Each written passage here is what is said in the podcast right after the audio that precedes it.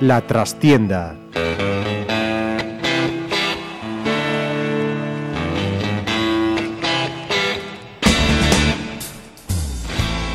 Saludos amigos, os habla Ramiro Espiño en nombre de todo el equipo. Comenzamos una nueva edición de La Trastienda en Pontevedra Viva Radio desde nuestros estudios en la calle Michelena de Pontevedra.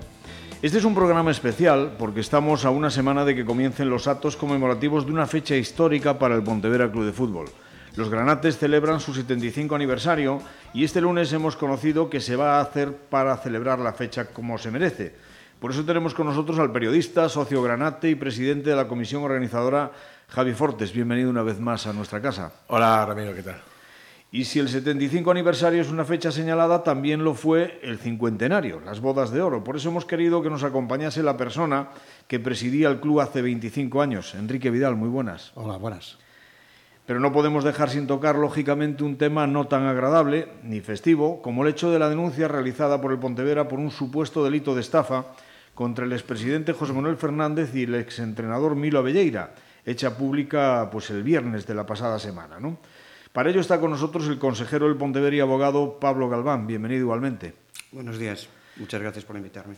Pues empezamos con los actos, porque se han presentado hoy y Javier Fortes como responsable, comisario de la exposición que se va a realizar también, pues a pesar de que pues, muchos de, de nuestros oyentes ya lo habrán leído en escrito en Pontevedra Viva, pues para los que no lo hayan hecho y lo quieran escuchar, Cuéntanos un poquito, un, breve resumen de, en qué va a consistir, cómo, cuándo, dónde, etcétera, etcétera. Se va a concentrar, primero, buenas tardes, Ramiro, eh, se va a concentrar en, eh, la Semana Grande, que casi como, tener en octubre la Semana de la Peregrina. Eh, pasa que con un monotema que será el Pontevedra y el fútbol, y entonces... Ahora mismo estamos, eh, empezamos hoy por la mañana, primera hora, los empleados del club, la Diputación, eh, trabajando en la colocación de la exposición. Al decir hoy por la mañana vamos a fijar el, la, el, el espacio horario que se refiere a este lunes. Lo digo porque aquí, como en Internet, ya sabes, ah, la radio a la carta, cada uno lo escucha cuando quiere. ¿no? Yo soy un periodista analógico de la vieja escuela, llamando por la cronología medieval casi. Pero, eh, y entonces estamos montando ahí en la Diputación, en todo lo que es el salón de hall de entrada, el salón noble, pues una exposición que es el embrión del futuro museo del club, yo tenemos la intención de que así lo sea, y es un recorrido, ¿eh? aprovechando precisamente el, el, diseño en forma de U gigantesca que tiene los intestinos de la Diputación, es un recorrido por la llegada del fútbol a Galicia, a Pontevedra, eh, los precursores, el Eiriña, el Alfonso, el Sporting, la fundación del club, la etapa dorada del Like Roll en primera división, la decadencia, los ascensos y además va a tener un material que procede en algunos casos del propio depósito del club y también en muchos casos de colecciones privadas y particulares que tienen un gran valor. Hay algún trofeo de principios del siglo XX, de 1920 y pico, el primero que obtiene un club de la provincia, que es el Eiriña, en el 23 grande 4-0 la final al Deportivo. Tenemos eh, pues la, la, ropa de calle original de los años 60 del Pontevedra, la equipación de la selección de Neme, el único internacional que tuvo el Pontevedra, trofeos. Eh, hemos incluso recuperado, gracias a Petete, que yo creo que no necesita eh, presentación y co colabora también. ¿Os acordáis de aquellos expositores de madera viejos que había debajo de los soportales de la herrería donde íbamos a ver la cartelera del Victoria, el Principal? Estaban por ahí perdidos en un desván, los encontró Petete, los restauró y no los cede para ponerlos también, pues en vez de con fotogramas de películas, con carteles del Pontevedra de los años 60. Creo que era el marcador, ¿no? Era, era, eran, digamos, eran unos eh, eh, armatostes de madera preciosos, preciosos que había en las soportales de la herrería. De aquella no había internet ni estas cosas, y entonces los chavales, no tan, no tan chavales, teníamos casi como una liturgia ir a la peregrina, si era en otoño en la herrería unas castañas, bajar sobre los soportales para evitar la lluvia y ver lo que ponían en el Gombiz, en el Victoria, en el Principal. Pues los hemos recuperado y los vamos a poner también allí. Y por curiosidad, ¿dónde los habéis encontrado? Los encontró Petete tirados, como suelen encontrarse las cosas de valor tiradas. Y dijo pero esto era lo que veíamos de chavales, lo que echaban en el Gombiz, en el Principal. Y lo restauró, los tiene en su, en su tienda y, nos lo ha cedido. Yo le digo, oye, Petete, ¿nos lo dejas? Hijo, para el Pontevedra lo que haga falta. Y nos lo deja, lo vamos a poner allí. Y digamos que forma parte todo de esa crónica sentimental ¿no? del Un camino por la nostalgia, ¿no? Total, ya sabes que es mi palo fuerte, y pero el Pontevedra es un club mucho, digamos, con, digamos, con, que cuida mucho esa emotividad. Entonces todo eso va desde el pasado, del, casi la protohistoria del Pontevedra, hasta la actualidad con plasmas, con proyecciones, con objetos de mucho valor. Y... Caminando por Pontevedra de la mano del Pontevedra Club de Fútbol. Efectivamente, se podría llamar así y esperemos que a la gente le, guste y bueno, es muy emotiva. Hoy, hoy, estuvimos en la Diputación a primera hora ya montando las primeras cosas, las vamos a cubrir para el efecto sorpresa. hemos encontrado trofeos antiquísimos, por ejemplo, que yo no sabía ni que había en el club. Eh, menos mal que está Rafa Vidal, que tiene todo datado. Mm. Eh, cuando asciende el Pontevedra a Primera División no había trofeo en sí.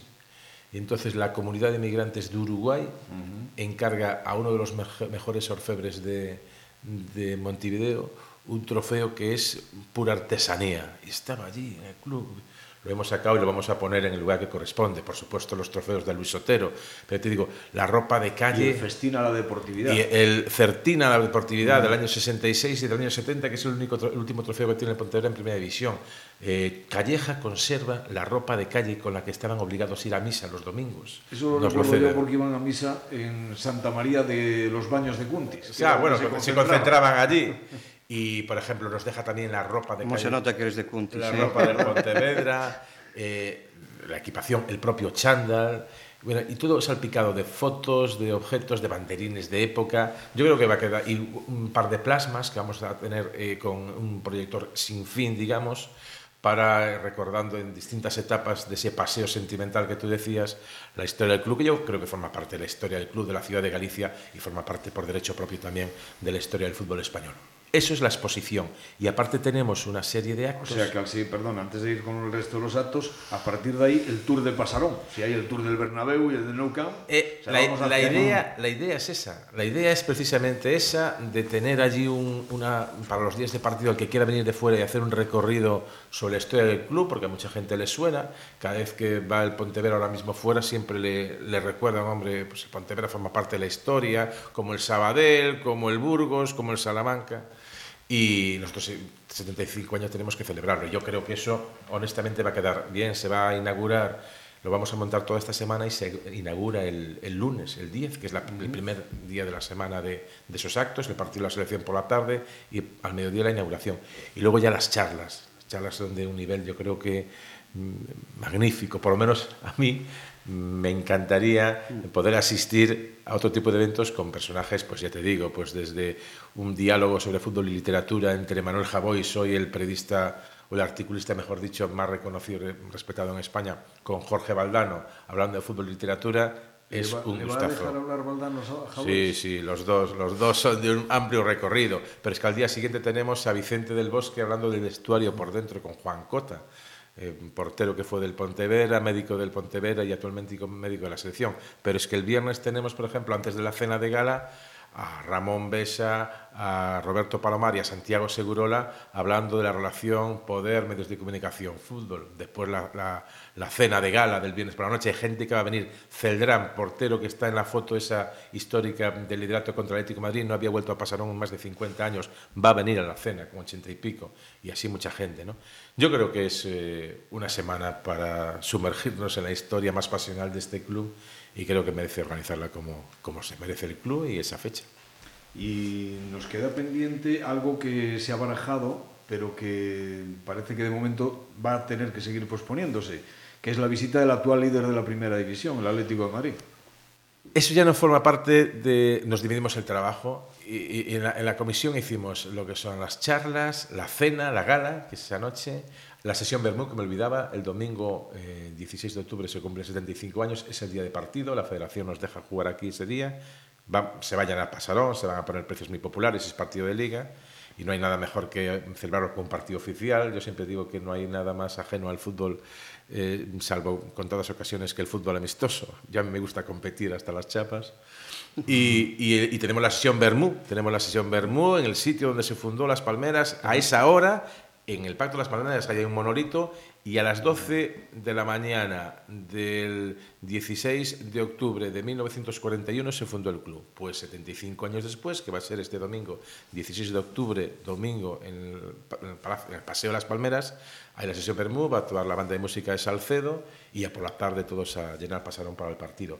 Y el Atlético de Madrid, eso ya lo lleva el club, las negociaciones son complicadas, mira la situación en la que está, primero en la tabla, compitiendo en Europa es la idea que quiere el club, pero no es fácil de conseguir, pero está trabajando, vamos a ver si lo, yo espero que sí que lo consiga. Además se juega el partido contra un equipo cuyo nombre, la verdad es que viene muy a cuento, ¿no? Club Deportivo Lealtad, que es lo que realmente eh, necesita el Pontevedra, hay mucha. Ya sé por dónde me vas, pero creo que tengo un compañero, es que, no da, Ramiro, Pablo, que, que sabe más sin hilo.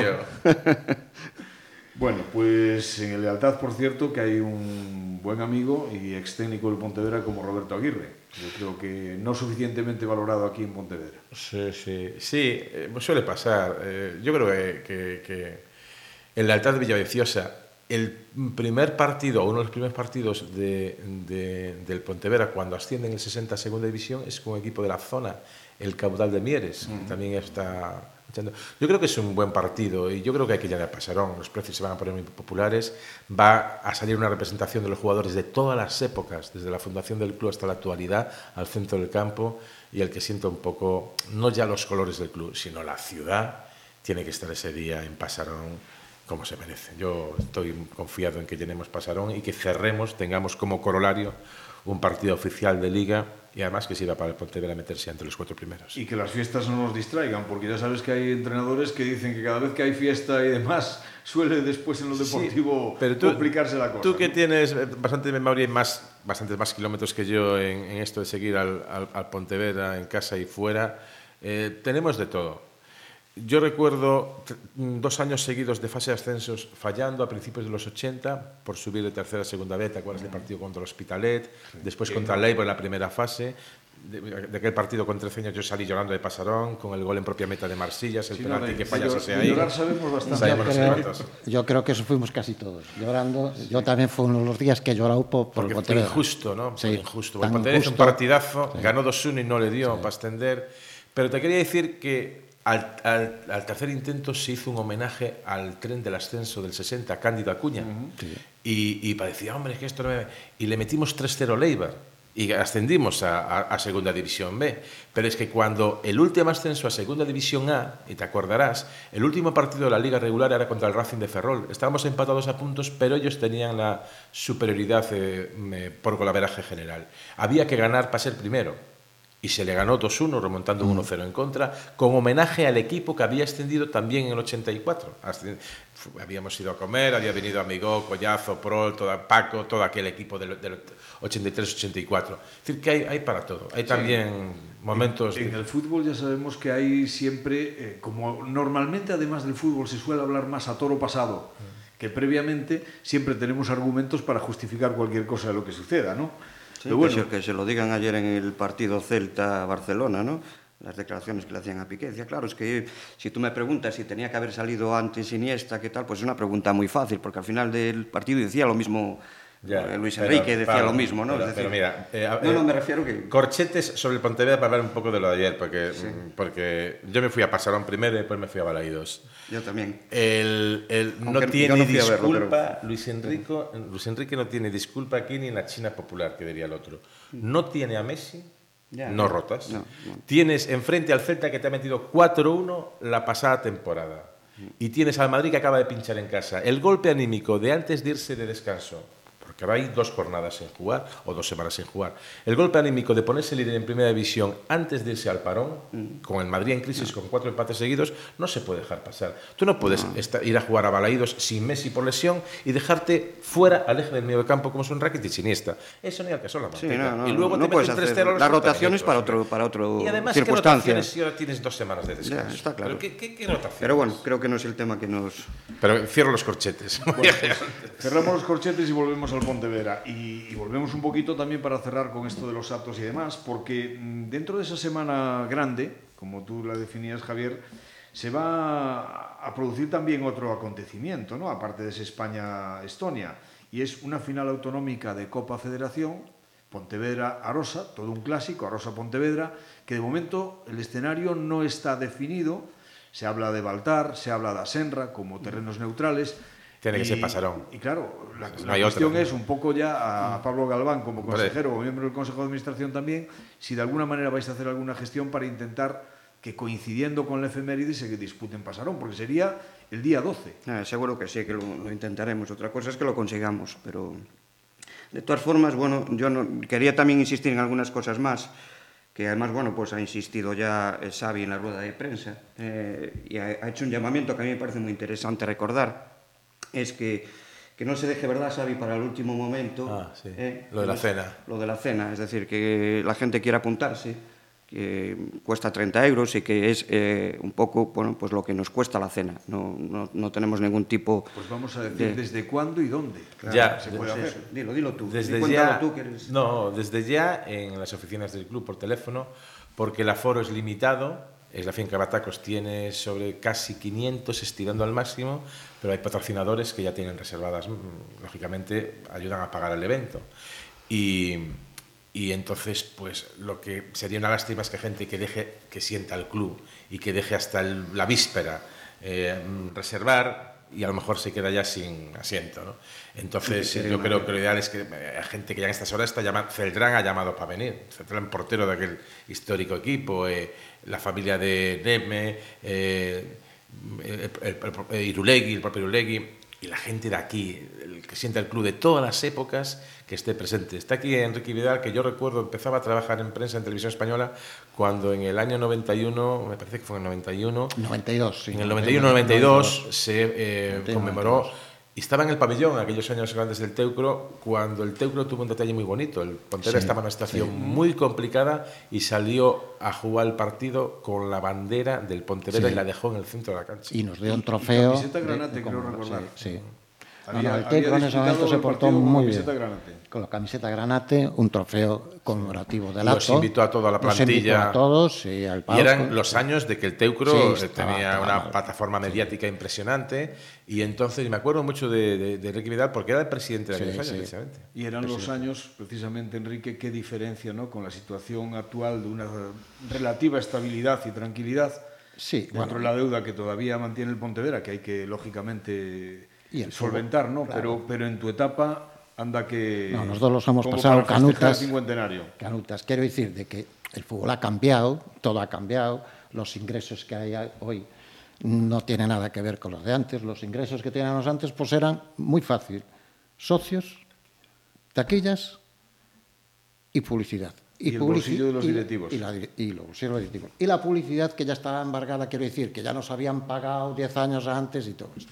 Quiero decir, hoy afortunadamente, pues bueno, hay, hay otros ingresos y el fútbol ha cambiado. Y cómo se dirige un club ya ha cambiado totalmente. Hoy ya hay gente profesional. Pero tiene mucho mérito lo vuestro, Enrique, Mucho mérito. Nosotros- porque fueron años muy Mu- difíciles. muy difíciles. Muy complicados. Todos los teníamos que hacer los directivos, trabajar como empleados.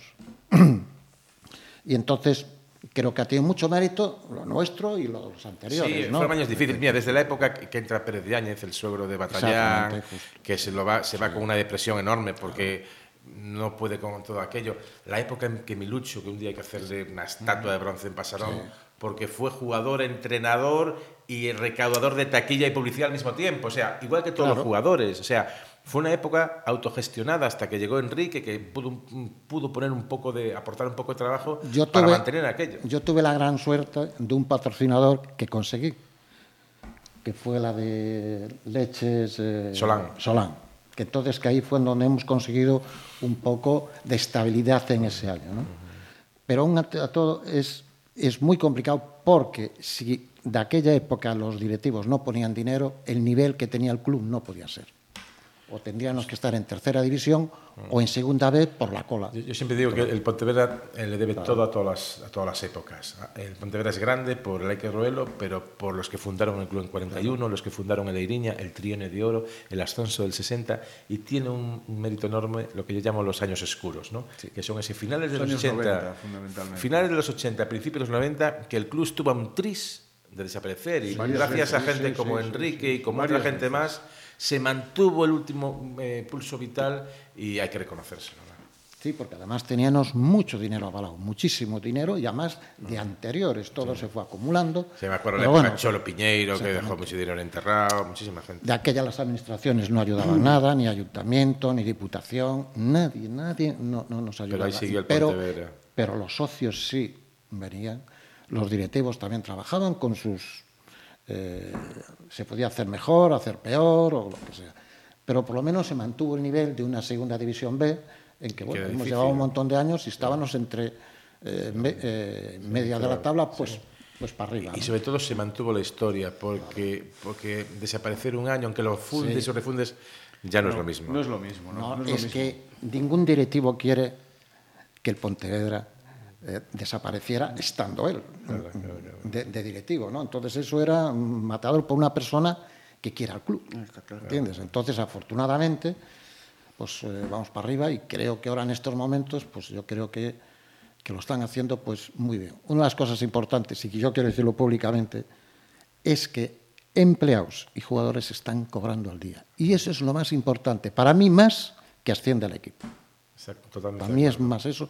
Eso para mí eh, es muy importante lo que está haciendo la directiva. Hombre, Y que al no menos, al menos dejar de ser noticia por temas negativos, ¿no? Porque yo creo que a todos los que queremos a este club, y creo que somos muchos todavía, afortunadamente, pues yo por lo menos una de las espinas que tengo clavadas más profundamente, como humillante para la historia del Pontevedra, fue cuando los jugadores, eh, al empezar un partido, ¿os acordáis? Se. Se pusieron de rodillas y no se jugó ese primer minuto sí, en, en demanda de, de su salario. Yo creo que eso fue realmente muy, muy triste ¿no? para todos.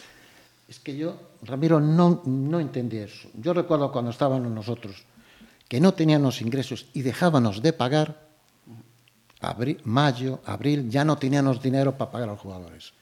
Pero hasta la fecha pagábamos religiosamente. Lo que no entendí fue esa época que ya en el mes de, de noviembre, y diciembre En no se pagara la no se plantilla, en pagaba. septiembre. No lo entendí nunca. Sí, eso desde luego ahora ya no pasa, gracias a Dios, ¿no? Es decir, yo no soy el más indicado para hablar porque soy parte interesada, pero creo que es una evidencia que puede ver todo el mundo. Bueno, afortunadamente eso ha cambiado para mejor porque, claro, tendríamos que hablar de la famosa quita y espera que salvó al club en También, su momento determinado Lorenzo. con Gerardo Lorenzo, de aquella campaña a través de Radio Pontevedra, porque se habla muchas veces de la famosa campaña del millón. Y yo digo, con muchísimo mérito, pero hombre, con el viento a favor es relativamente fácil hacer campañas. Es decir, aquella campaña del millón histórica fue en un momento en que se ascendió a Primera División. El problema es hacer una campaña cuando estábamos a punto de descender a Tercera y desaparecer el club porque se necesitaban cuarenta y tantos millones de pesetas de aquella, finales de los 80, para salvar la temporada con los jugadores dirigiendo el club, vendiendo bocadillos, poniendo copas en los pubs, etcétera, etcétera, y aquella campaña encabezada, una comisión encabezada por Antonio Reguera, con el difunto Tito García, nuestro compañero en Radio Pontevedra, Y Amador Larriba en el humildemente, diario, Amador, eh, tú. yo mismo y tal, pues que estuvimos todo un verano como locos hasta que se reunieron Y se ponía en la esos prensa, cuarenta y en el tantos diario de. Pontevedra se ponía y en Día a día. Pontevedra día a día lo que se iba recaudando. la peseta Sí, que daba, aunque sea sí, sí. señora, no sé qué, da 100 pesetas, pues se ponía allí. Absolutamente todo. Y eso, y eso estaba muy bien. Lo que pasa es que también se necesita el complemento. El complemento es que ese dinero luego se gestione bien, porque si Obviamente, luego se recauda y luego claro, resulta que viene el directivo de turno y, y, pues lo funde, pues realmente no, no hacemos nada. Pero precisamente por eso es Entonces- importante no olvidar la historia historia para saber dónde hemos acertado y dónde hemos equivocado, para no volver a cometer, a repetir sí. los mismos errores. Es, que ¿no? es mejor estar 10 años en segunda B que ascender un año y después que el club esté embargado por todos los lados. Yo, os puedo decir, vamos, que la gestión, desde luego, y conocéis a Lupe, es súper rigurosa. Es la gestión económica es súper rigurosa hasta tal punto que cuando nos reunimos en el Consejo tenemos que pagar las Coca-Colas.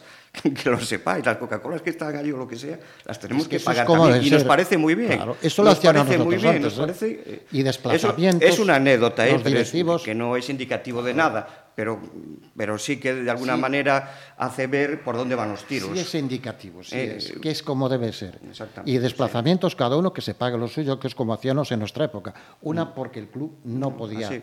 Hacer otra cosa, ¿no? Bueno, Así pues lo vamos- venimos haciendo, salvo en casos excepcionales, la verdad. Hay Vamos con un tema un poquito más peliagudo, De, evidentemente. de que es todas que- formas, Ramiro, yo Sí. antes quería también complementar un Sí, poco sí, por unas, cosas que, que dijo él también la, la presidenta y que yo creo que vienen bien decirlas, ¿no? Porque no se saben, además, eh, yo me he enterado de ellas hoy y, y- y quería decirlas Adelante. aquí. Vamos a ver, la ONCE ha dedicado eh, el cupón mm, de, al, al, al, 75 aniversario del Pontevedra Club de Fútbol. Yo creo que es algo que, que es positivo, que es decir, que la ONCE se implique también con nosotros en el 75 aniversario y me parece que es un gesto cuando menos bonito. Por otra parte, también os comunico que va a haber un autobús propio. O sea, esto ya salió en la rueda de prensa de esta mañana, lo dijo la presidenta. Bueno, y aprovecho aquí para, para decirlo eh, un autobús propio para viajar, que esperemos que, que os guste. Rotulado, Rotulado, entiendo. rotulado. Ya era hora. Así lo es. No, ya era hora porque es, el... es, algo que yo concretamente vengo diciendo por Pero cuestión de imagen propio desde, del hace, Pontevedra. bueno, desde que hubo aquel famoso autobús con la imagen de Tonino, ¿no? Claro. Pues yo creo que eso es muy muy importante, es decir, yo Perdón, ayer perdón, veía pero sí. propio del Pontevedra, Sí, comprado. No, pero Eso ah, ya no sabría decírtelo, no sabría decírtelo si es lo, lo que sí te digo es que está a disposición del Pontevedra perfecto. para todo, eh, para la liga y para viajar por todo el territorio. Ya no sería, bueno, no sé si es incluso del de Monbus, pero es, la noticia sabe. es que es un autobús rotulado para que el Pontevedra pueda ir y el nombre del Pontevedra se vea en el autobús por toda por toda España. Y A que tampoco es malo que se use luego el resto de la semana, evidentemente, porque sigue difundiendo la imagen del Pontevedra, ¿no? Exacto. Bueno, que la tienda del Pontevedra se va a reinaugurar, ¿eh? con, yo creo que con, con unas mejoras muy grandes y eh, va a ser la tienda oficial y la va a explotar el propio club. Entonces, yo creo que eso también pues, es muy interesante. Luego se van a hacer camisetas del 75 aniversario también del club. ¿Eh? Cosa que yo creo que a la gente le va a gustar tener este recuerdo. Yo no sé si vosotros, Enrique, cuando el 50 Y aniversario hemos- las sí, hecho supongo que también, hemos también hecho, sí, sí. que lo habéis hecho, ¿no? En fin, que son cosas que son Camisetas, ya de bufandas, obligado todo, sí, cumplimiento, sí, sí. ¿no? Y luego, bueno, pues lo que decía también me parece Xavi, que en los pubs se van a... Ah, esa es la noche granate, eso es muy divertido. No forma parte, y, y lo acabo enseguida porque creo que Ramiro quiere preguntarte Sí, sí, Pablo no unas hay cosas. ningún inconveniente. No, Pero- no quiero ocultar el tema, ¿eh? No hay problema, No hay que quiera Pero esto es muy divertido, porque, porque habíamos pensado todos los actos que, bueno, que salen en la prensa, que hemos relatado aquí en su mayoría, y pensamos una vez, ¿y por qué no hacemos algo también un poco más para la chavalada? Chavalada de los 18, 19, 20, 21 años, que todos tuvimos en algún momento. Y hablando con los pubs, ellos se van a organizar, no es un acto, no es un acto del club, es una cosa de los pubs, de los locales de Pontevedra. Eh, hablando con ellos, salió la idea de el viernes por la noche, después de la cena, hacer una noite granate en los pubs, ¿no? Entonces, en cada media hora va a sonar en todos los pubs el himno del Pontevedra y los chavales y chavalas que atiendan tras la barra van a estar uniformados con el Como Pontevedra. se hizo la fase de ascenso del Como 2004. se hizo la fase de ascenso del 2004 y con motivos y tal, y el que vaya con una camiseta de granate esa noche, si puede ser con el escudo mejor, creo que va a tener una sustancial rebaja al tomar una copa. O sea que saldremos de la cena, por cierto, no te olvides de apuntarte, Ramiro, Eso porque va a pasar el plazo, y después nos vamos a tomar unas copas por ahí.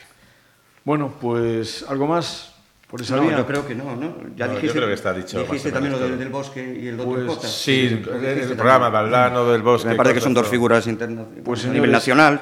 Las rosas tienen espinas. Sí, y ahora pues por tocan supuesto, evidentemente, ahora evidentemente tocan las Pues espinas. Mm. porque la pasada semana, pues el viernes, el propio Consejo de Administración pues sacó a la luz un tema desagradable, como es el hecho de que el club ha decidido presentar una denuncia por supuesto delito de estafa contra el expresidente José Manuel Fernández, contra el exentrenador Milo Abelleira po- y también por un presunto delito de administración desleal, entre otros, contra José Manuel Fernández. Así es. Pablo Galván, como miembro del Consejo y abogado que imagino que lleva estas cuestiones de tipo legal, me gustaría que nos explicases un poco los porqués y el alcance de toda esta medida. Bueno, a ver, eh, primero lo que hubo fue eh, una demanda Perdona, a todo esto, mm, para que, no, para que queden las cosas claras, permíteme aclarar por anticipado que Pontevedra Viva ha invitado a José Manuel Fernández a dar su versión. Bueno, lo entiendo hasta cierto punto también ese aspecto, que no ha querido manifestarse hasta conocer, según dice él, el contenido de la demanda, que aún no le ha llegado. Por lo tanto, lo respetamos, pero sí que le hemos dado la oportunidad de expresarse en nuestro periódico digital.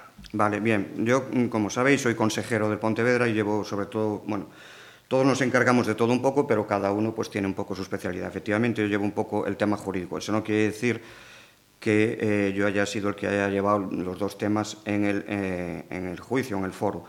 Y esto lo explico porque entiendo que eso debe ser así. No se debe confundir la condición de consejero con la condición de abogado. Me parece que, que no sería que no sería ideal eso, que no es lo correcto, que no es lo adecuado.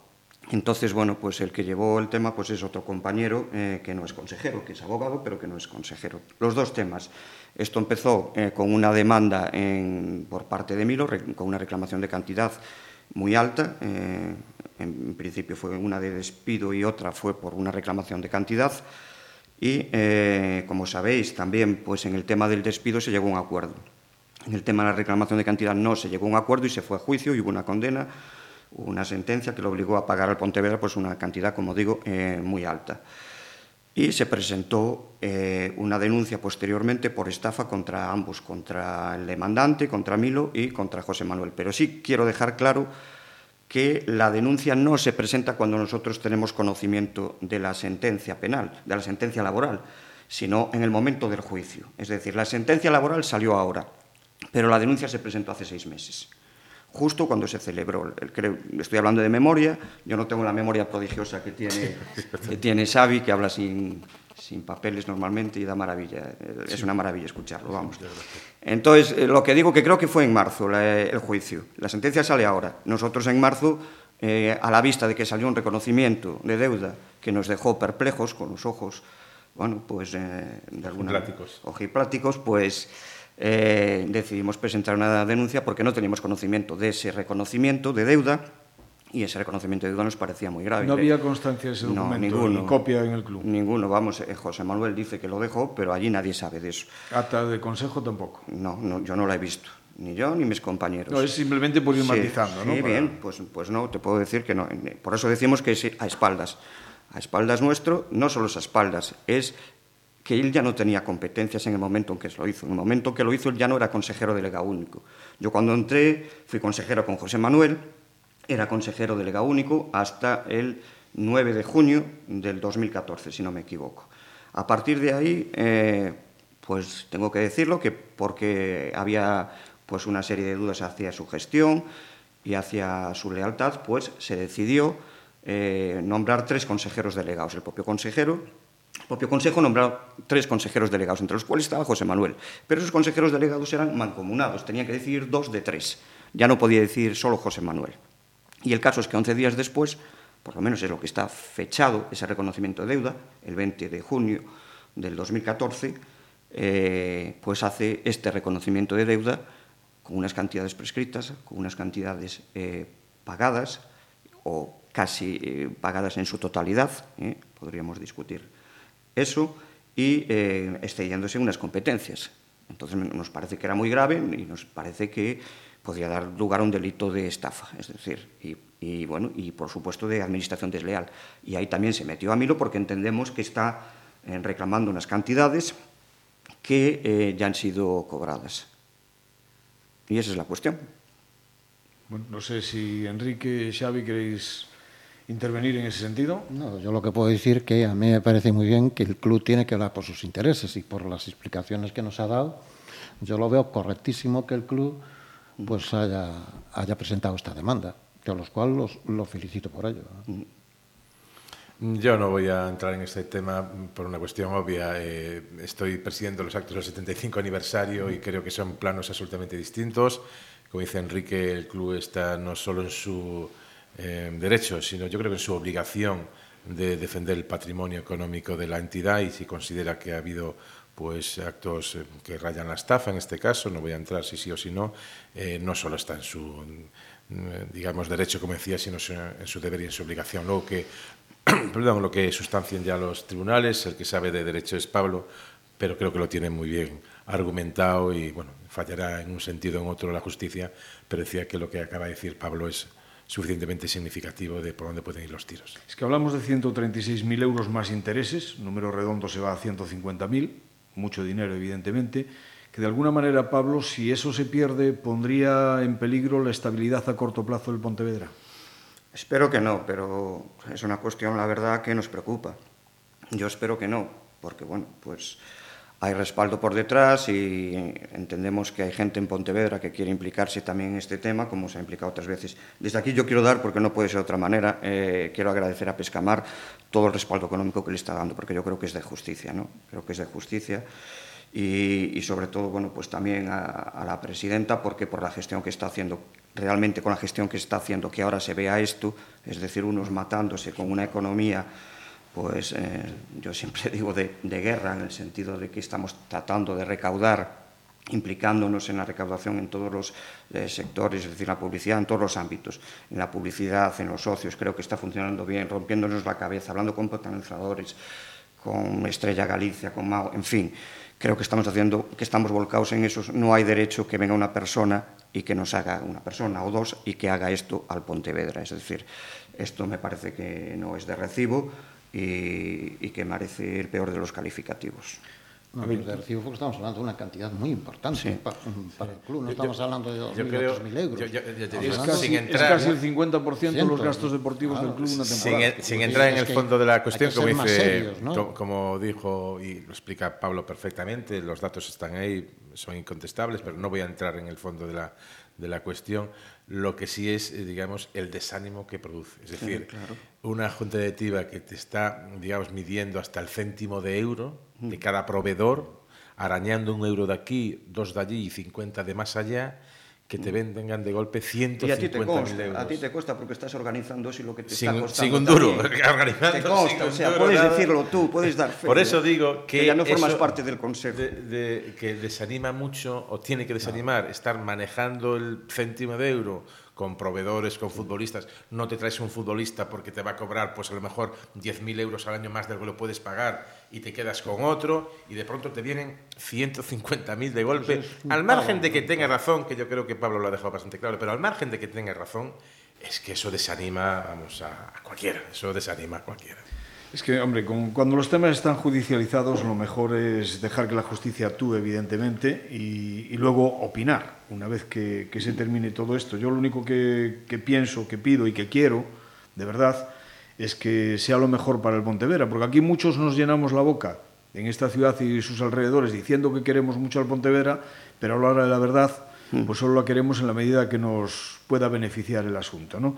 Sí me gustaría, Pablo, porque yo no haría bien mi trabajo si no te lo preguntase, que Tú pregunta, ya veremos si luego te contesto no, no, no. Yo, a ver, yo entiendo todas las reservas que puedas emplear, Entiende que es un tema tienes que seguir la línea claro. argumental en materia de defensa, de defensa del club, ¿no? Claro. Pero digo, en la, en la sentencia laboral, sí. ahora entiendo ya que esto irá por lo civil o por lo penal, no sé exactamente. La vamos a recurrir, la vamos a recurrir, pero esto casi ya es un tema penal, casi. La vamos a recurrir. O sea, vais a recurrir la laboral. La laboral. Pero la, la otra, lo otro la continúa su curso. y tal va por lo sí, civil, te puedo entiendo. decir. Eh, civil y penal. Eh, en principio, laboral y penal. Uh -huh. eh, hay una sentencia laboral que vamos a recurrir ante el Tribunal Superior de Justicia de Galicia y que puede tardar mucho tiempo en resolverse, yo calculo que tres años. Y está, por otra parte, la, la, denuncia que sigue su curso. Es decir, ya casi el tema laboral se transforma, no es que, va, que el tema laboral uh -huh. deje de seguir su curso porque la vamos a recurrir y va, va, a tener otro trámite, pero va a ser casi, el meollo de la cuestión va a ser, va, para dilucidar un tema penal. Tema penal que si además se archivase, pues podía dar lugar a un tema civil posteriormente aún, ¿eh? sí. que podía ser una acción de responsabilidad pues porque los consejeros tenemos una responsabilidad muy grande patrimonial. patrimonial. Entonces, independientemente de que a lo mejor el juez considere que no hay delito, tampoco se acabaría ahí. Desde... En fin, ya estoy anunciando cosas, pero bien, eso, eso es mi opinión personal, ¿eh? Eh, como si quieres, como abogado o lo que sea, pero eso ya no es la opinión uh -huh. del club, que tampoco puede coincidir o puede no ya, coincidir. Ya. Estoy hablando aquí casi como abogado diciendo que podría haber esa posibilidad. Dos cuestiones, entonces, decía, para terminar con este tema y demás. Eh, una, en el momento en el que José Manuel Fernández abandona el Pontevedra Club de Fútbol, uh -huh. se planteó, por lo menos se vendió ante la opinión pública, que había sido una dimisión. Entiendo, por la nota que habéis hecho público, que había sido un cese por pérdida de confianza. ¿Con cuál nos quedamos? Vamos a ver, primero, eh, lo que hubo es eso, lo, lo, lo, que hubo es una, es que es de manifiesto, es decir, si una persona que es consejero único delegado deja de serlo, será por algo. Creo que eso lo entiende todo el mundo. Si a uno se le quita para formar parte de otros dos, y yo te puedo decir que fue, y además se ha dicho así, mm. te puedo decir que es por una pérdida de confianza y por considerar, eh, bueno, pues mm, que podría haber cierta deslealtad. Luego se demostró que fue así. Por lo menos me estoy remitiendo al tema del reconocimiento. Cuando digo se demostró fue así, es que yo lo he vivido. Sí, desde es que yo no tengo conocimiento. De vista yo, interno, no, desde el mío, yo no tengo conocimiento de ese reconocimiento y yo sé que se hizo 11 días después Bien. de que no tuviera ya las facultades de consejero delegado único. Pues si eso no es una deslealtad, ya me dirás. Entonces, eh, que si luego eh, el tema de la dimisión, bueno, bien, él, él dimite, ya las razones que, que, tendrá para dimitir, pues ya no lo sé. Uh -huh. sí, pero lo que, lo que sí, que si había una pérdida de, de confianza hacia él, sí. Sí Es que la decir, había. Hay pérdida Y de confianza como consejero delegado, de alguna manera, y hay dimisión luego en cuanto a su posición en el Consejo, ¿no? de consejero, digamos. Bien, y la Bueno, segunda... apar- aparte que, que nosotros apoyábamos a otra persona, evidentemente, ya. Y la, la segunda, en la sentencia laboral se cita también a otro expresidente. Yo no Sí, quisiera nombrar, se pero cita. bueno, se cita a Mauricio Rodríguez, Sí, la jueza cita. lo hace en su sentencia, sin embargo el club, en principio, contra él no va. ¿Por qué? Porque no puede, porque no, porque no- considera diga, que yo- haya motivo. Yo entiendo que es porque no tocaba.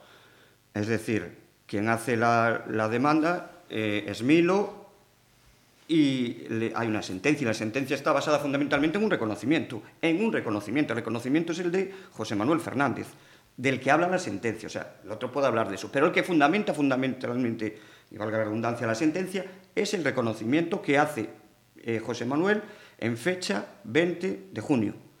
Y por eso entonces nosotros atacamos eso, porque eso es lo que nos hace daño. Porque en base a ese reconocimiento aparecen unas cantidades de 104.000 que luego se van a más. Porque se dan otros cálculos, en fin, taquillas, y etcétera.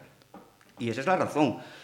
Y bueno, pues eh, si, si hay un reconocimiento por parte del el anterior presidente a José Manuel de Mauricio, y, y- y tenemos que hacer algo, desde luego tampoco nos temblará la mano, pero es que no tocaba, no tocaba. Y, y- quiero, no, qui- quiero eh, insistir la diferencia que pueda haber en cuanto a reconocimiento, es decir, de Mauricio a este. Y además porque es una cosa que yo viví, yo el de Mauricio no puedo hablar de primera mano porque no fui testigo directo, de esto sí. Y vuelvo a decir, es un reconocimiento, estas tres cosas no pasó con Mauricio, que yo sepa, que yo sepa con exceso de competencias. Es decir, excediéndose las competencias, vuelvo a repetir, a, eh, a fuerza de ser pesado, ya no era consejero delegado único. Por lo tanto, hay un, un exceso en las competencias que tenía. Oiga, ¿quién es usted para hacer esto? Ac- Aclarado que Luego, unas cantidades que estaban prescritas, que también es importante decirlas, y que se reconocen, y que lo que hace es, no es reactivar la prescripción, pero es que la prescripción es un derecho. Tú puedes, de alguna manera, eh, acogerte a la prescripción, pero puedes renunciar. Pero es que, claro, es muy bonito renunciar a una prescripción con dinero de otros, con dinero ajeno, con dinero de una sociedad. Eso es muy bonito. Entonces, eso es un perjuicio para el club desde mi punto de vista. A mayores, las cantidades estaban pagadas, no sé si en, en su totalidad o en, en- o una gran totalidad. Eso también es un perjuicio si se demuestra así. ¿eh? Lógicamente, todas estas cosas habrá que demostrarlas. Y luego, lo que está claro es que hay- ha, ha sido hecho a espaldas del Consejo. Estas cuatro cosas, no tres, pues no coincidían en el caso de Mauricio. Y no tocaba, no tocaba Ramiro. En ese caso no tocaba porque, vuelvo a decir, el fundamento de la sentencia es ese- es ese reconocimiento.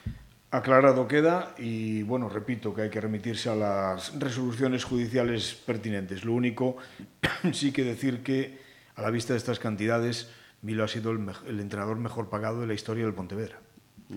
Pues sí, porque supongo que sí. quien le ha firmado semejantes contratos tendría que hacérselo mirar realmente, porque entre otras cosas, lo del 10% de las taquillas de una supuesta fase de ascenso, si se produce por anticipado al margen de 60.000 euros primera temporada en tercera división, tiene, Tiene mandanga la cosa, ¿no? Sí. Me quedo con el penúltimo párrafo de la nota que hizo público el Consejo de Administración el viernes, donde dice que el Consejo de Administración estamos aquí para defender y velar siempre por el interés general del club por encima de cualquier otro interés particular. Y eso creo que es indudablemente lo que debe hacer este Consejo y cualquiera que esté en cualquier momento al frente del Pontevedra. Señores, vamos terminando muy rápidamente porque se nos ha ido el tiempo de una forma tremenda. Eh, hemos ganado que- al Racing de. Ferrol y ya hacía tiempo que no sucedía esto. Aunque haya sido con un penalti a lo Guruceta, Xavi. Sí, eso me dijo eh, Alfredo Rolaño, me mandó un mensaje y cuando se enteró, porque dije... eh, No lo sabía, ¿eh? O sea, la frase... Pues me- es el mensaje, el mensaje en concreto fue Viva Guruceta, porque yo salgo de Pasarón a las, faltando 10 minutos con mis chavales, los dejo en casa y después me voy a, a, a Vigo, a Balaidos, pues tenía que trabajar, y en el Celta Barça, y en la radio escuchamos eh, el gol de penalti. Y, en- y dicen, no, y el penalti que por las imágenes de televisión es fuera del área. Entonces le mando un mensaje y dice, bueno, me pregunta él, ¿cómo que voy para Balaidos? Me dice, ¿cómo quedó el Pontevedra? Ya nos parecemos en algo al Madrid. y dice, y tal, pues ganamos el último minuto de penalti fuera del área. Y me dice, viva Guruceta. O sea que eso fue por un... Bueno, un luego nos anularon un gol. Exactamente, habría que hablar del Sí, gol, pero que yo entiendo que... para ser justos, que somos- yo- a mí me gusta ser periodista y justo y soy del Pontevedra, pero me gusta ser justo, no es lo mismo. O sea, entrar en los tres o cuatro últimos minutos con 0-0, el equipo rival no se te mueve de tu área y le pillas una contra porque le has metido un gol y ese gol es fuera del área y ya está, o sea, es un penalti fuera del área, hay que reconocerlo, como otras muchas veces. pareció. La expulsión Como- era correcta, el penalti no, era como- falta. sí, de- como a mí, otras- a mí me pare- Yo lo he visto luego en televisión y me parece que no es penal. No, no, es que no es penal, que claro, está claro, a sí, medio Pero, metro. pero claro. como otras muchas veces, Sí, claro. nos han machacado. Ah, en la fase de ascenso última que juega Nino Milón con el Alcorcón, nos machacaron. Llorente Carcedo no te quiero contar en y la fase contra el con el Mensajero. Castellón. Y con el mensajero. O sea que Vaya una coña por la otra. marinera. No, no, si de agravios arbitrales en Pontevedra Es también están molestos. ¿eh? que todos miramos en los agravios más que nos tocan que los claro. beneficios. Eso es así. Está a la claro. memoria nos viene, eh, pues mira, de chaval, en el partido de Copa contra el Basti de Tarragona, Pascual, Pascual Tejerina. Nos viene Ontanaya, nos viene Llorente Carcedo, nos vienen todos esos. Bueno, ya el del, el del árbitro de ayer y que nos Y, y el de Oviedo que lo intentó pero no pudo. Sí, porque aquello fue. Dejándonos con nueve. Aquello fue, aquello fue épico. Lo de jugar- ganar en Oviedo con dos jugadores menos, aquello fue tremendo. El gol de Igor al final fue De tremendo. todas formas, no sé a vosotros, pero a mí el Pontevedra me ha encantado ayer por la seriedad con la que afrontó un partido frente a uno de los grandes de la categoría. Es lo que quería decir yo, que aparte de la polémica, me ha gustado el Pontevedra. Yo es la primera vez que lo veo en esta temporada y me ha gustado mucho el equipo. Me ha gustado el delantero centro, que es el Mario clásico. Los dos, antiguo, Mario Barco y Mateo a- Ferrer. A mí me Los gustan dos. los, delanteros centros antiguos, ¿no? Y- y no el Zañón. medio punta, como lo llaman ahora. Y vi un equipo muy serio, A muy me serio. gustó A mucho el Pontevedra y Pues fíjate, a mí Y que me- peleaba todos los balones, sobre todo en delante. Pues a, Mario a Barco mí me ha un- gustado es mucho Alex un González, que saliendo desde el banquillo la semana anterior en Pasarón también fue definitivo y que es un jugador que ha entrado, mm, digamos, un poquito más tarde que otros, pero que cada vez que sale le veo hacer cosas más interesantes. O sea, extremo a la antigua, ¿no? De desborde, de velocidad, llegar a la línea de Y, y fondo. a mí me gusta mucho en, banda de Fañón, arriba. Eso Le da un empaque a la delantera enorme. Es que date cuenta que los centrales del Ferrol eran muy buenos. A mí me gustaron sí, mucho. ¿eh? no, que decir, sí, que sí. fue en mérito del Pontevedra. Que decir, El que Pontevedra este año solo vi, lo vi en casa los cuatro partidos y, eh, y fuera. Fuera solo vi el de Vigo, que sí que tengo que reconocer que fue una decepción, pero eso lo dice todo el mundo, hasta el propio Luisito, ¿no? Pero el partido de ayer tenía muchísimo riesgo y lo solventó con mucho oficio. Sí, y, Señores. y Edu mismo, yo creo que aunque no tuvo tampoco oportunidad, joder, no tuvo mucho trabajo, pero las oportunidades se le veía mucha seguridad y salvó con, con el pie, me parece una que estaba un, sí. un gol casi cantado, ¿no? Y yo por otra parte vi al Ferrol bastante desdibujado, sobre todo en la primera parte. Mira, yo de Edu voy a destacar una cosa que ya casi nadie quedaba en Pasarón, pero que es importante, que es síntoma de un jugador que quiere al club y que está absolutamente en todo. Sí, sí. A la finalización del partido, ya no tiene nada que ver con el resultado, Fondo Norte estaba un grupito eh, diciendo tonterías contra los aficionados del Racing de Ferrol, que creo que algunos de los que han estado también la han montado por la ciudad a lo largo del día, Sí. tampoco viene de, de nuevas el asunto, Sí, sí. y Edu fue hacia A el fondo norte.